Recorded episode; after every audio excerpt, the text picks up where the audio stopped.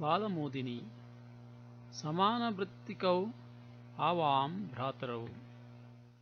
ఈశ్వరప్రసాద పురోహిత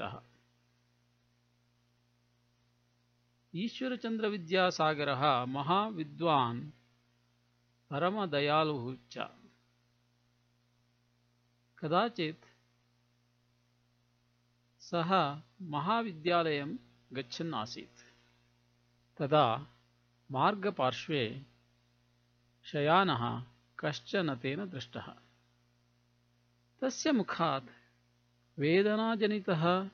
क्षीणध्वनिः निर्गच्छति स्म।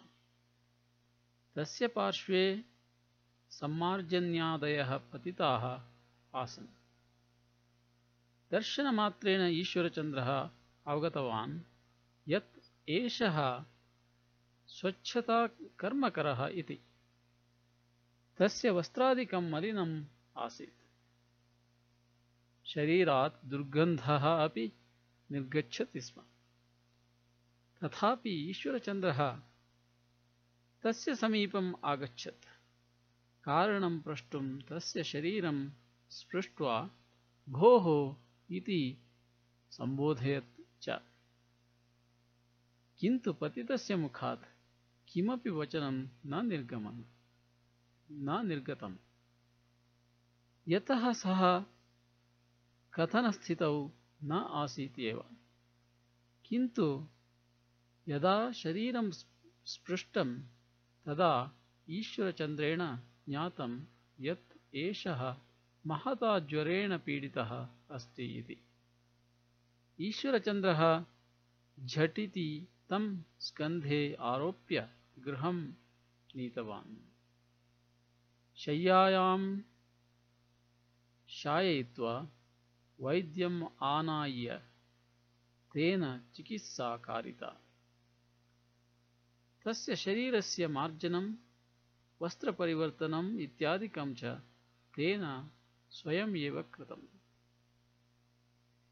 एतया शुश्रूषया सह अस्वस्थः जनः जनः द्वित्रदिनाभ्यन्तरे ज्वरात् मुक्तः जातः। किन्तु शरीरदौर्बल्यं तं बाधते स्म। अतः ईश्वरचन्द्रः तम् अवदत्। भवान् इतोपि कानिचन दिनानि मम गृहे एव तिष्ठेत् इति। तस्य एतादृशं व्यवहारज्ञानं व्यवहारजातं कश्चिन् बन्धुः तम् अपृच्छत्। किं भवान् एतं जानाति? एषः कः? किम् एषः भवतः बन्धुः इति। तदा ईश्वरचन्द्रः अवदत्, आम्, एषः मम बन्धुः एव। आवयोः समानावृत्तिः।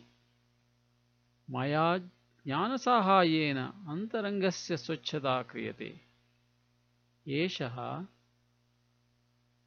सम्मार्जन्यादिना बाह्यस्वच्छतां करोति अतः आवां समानवृत्तिकौ स्वः अतः एषः अस्ति मम भ्राता इति कटेशयनः सः अस्वस्थः ईश्वरचन्द्रस्य एतत् वचनं श्रुत्वा आश्चर्येण स्तब्धः अभवत्।